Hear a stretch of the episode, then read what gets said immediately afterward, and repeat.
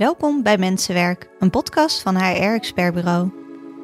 In deze podcast hebben we het iedere maand vijf dagen lang over één groot HR-thema. En dan vooral hoe dat thema organisaties kan helpen, door de medewerker voorop te stellen. We praten dan ook met medewerkers in het wild. Mijn naam is Sanne Quint. En mijn naam is Dorien van der Pols. En wij geloven, nee weten, dat als je HR echt inzet om je medewerkers gelukkiger te maken, organisaties daar de vruchten van plukken. Uh, dat ik het uh, wat persoonlijker vind, zeg maar. Uh, ik heb het idee dat als je zo'n cultuurboek krijgt, dat, dat je echt merkt dat er aandacht is besteed aan een medewerker.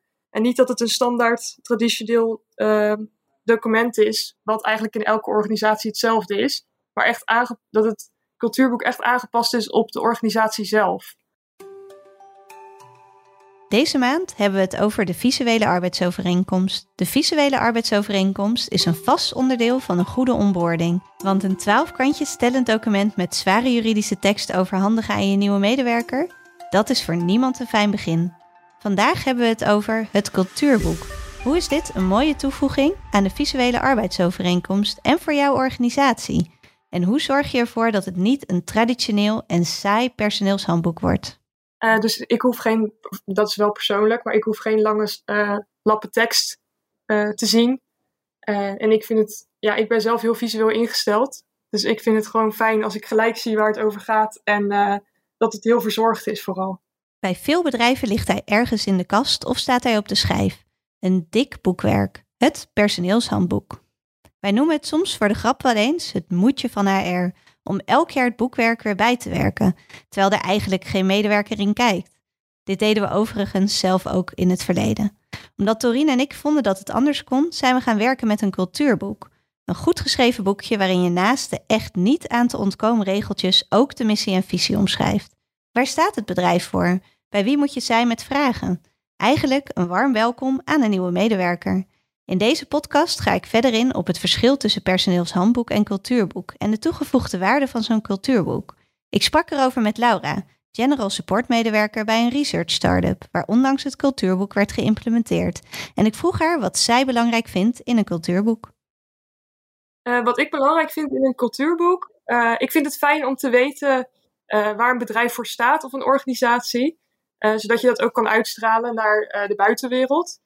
Uh, en verder um, dat het een mooi visueel document is, zodat je je gelijk uh, welkom voelt bij een bedrijf als je daar net binnenkomt.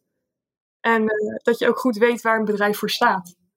Maar hoe zorg je ervoor dat zo'n cultuurboek echt een warm welkom is, zoals Laura zegt, en dat het duidelijk is waar je bedrijf voor staat? Dat start bij de basis, door in goed geschreven, vlotte taal de missie, visie, de why, how, what van de organisatie te beschrijven. Benoem dat je blij bent dat de medewerker in dienst is gekomen en de tijd neemt om dit boekje te lezen. Zoals aangegeven, aan sommige dingen ontkom je niet. Je kunt wel zeggen laat alles vrij of schrijf het niet op.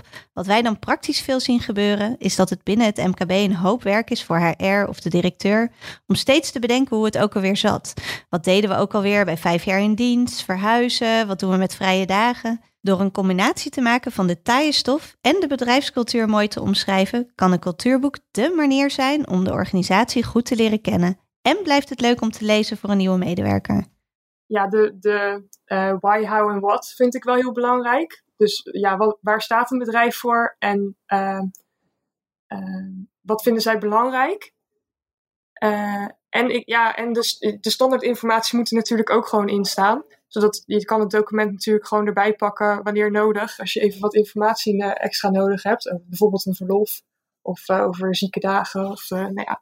Laura zegt dus dat waar het bedrijf voor staat erg belangrijk is. Maar ook de moedjes zoals vakantiedagen en zo. Dat kan dus ook visueel, wat Laura aangaf prettig te vinden. Door één plek te hebben waar overzichtelijk terug te vinden is voor medewerkers wat er mogelijk is, schep je geen valse verwachtingen en meten met verschillende maten. In de praktijk zien we dat juist dit vaak reden is voor frustratie of een gevoel van oneerlijkheid. Ik denk dat iedereen er gewoon hetzelfde in staat, zeg maar. Iedereen weet gelijk vanaf moment één, dit, dit is wat het bedrijf is, waar we voor staan. Um, en dat iedereen zeg maar, op één lijn zit. Een cultuurboek kan dus duidelijkheid geven over veel vragen waar medewerkers mee te maken hebben. Zonder het onnodig saai en lang te maken. Een voorbeeld hiervan is dat veel medewerkers geen idee hebben hoe de gesprekscyclus werkt wanneer ze ergens in dienst komen. Door te benoemen in het cultuurboek hoe dit werkt, weet de medewerker waar hij aan toe is. Maar wat is een don't in het cultuurboek? Bijvoorbeeld de hele verzuimwetgeving erin verwerken. Volsta dan met één zin, zodat net als bij de arbeidsovereenkomst ook hier de werkgever en medewerker het nog begrijpen. Bij de organisatie waar Laura werkt, heeft de ommezwaai van een personeelshandboek naar een cultuurboek in ieder geval een positieve invloed gehad. Ja, bij ons zijn er wel uh, positieve reacties gekomen op het cultuurboek. Het is toch een document wat je er wel vaak bij pakt om even wat extra informatie te krijgen. Uh, en het is heel overzichtelijk. En uh, ook wel dat het echt gemaakt is voor een organisatie zelf, zeg maar. Dat uh, is, wel, is wel belangrijk. Wil jij nou ook aan de slag met het maken van een cultuurboek, maar weet je nog niet hoe? Hierbij geven we wat tips. Maak het visueel en luchtig. Schrap alles wat ook in wet en regelgeving te vinden is en maak er één zin van. Benoem juist wel wat je normaal in een lange arbeidsovereenkomst zou noemen, maar beschrijf het nu op een luchtige en ontspannen toon. Pas hem af en toe aan, niet als een moedje van HR, maar omdat je merkt dat medewerkers echt iets missen. Wij schrijven het cultuurboek altijd samen met een kritische medewerker, zodat ook dit document echt iets toevoegt aan de onboarding. Dit was dag 4 van Mensenwerk, de visuele arbeidsovereenkomst. Morgen is de laatste dag van deze vijfdaagse serie. Daarin kijk ik verder naar wat naast het cultuurboek en de visuele arbeidsovereenkomst bijdraagt aan een goede onboarding. Dank voor het luisteren. Je kan deze en alle andere afleveringen van Mensenwerk terugvinden in jouw favoriete podcast-app. En wil je nou meer weten over de visuele arbeidsovereenkomst? Dat kan natuurlijk. Je kan Dorien en mij altijd bellen. Hoe? Ons telefoonnummer vind je op hrexpertbureau.nl.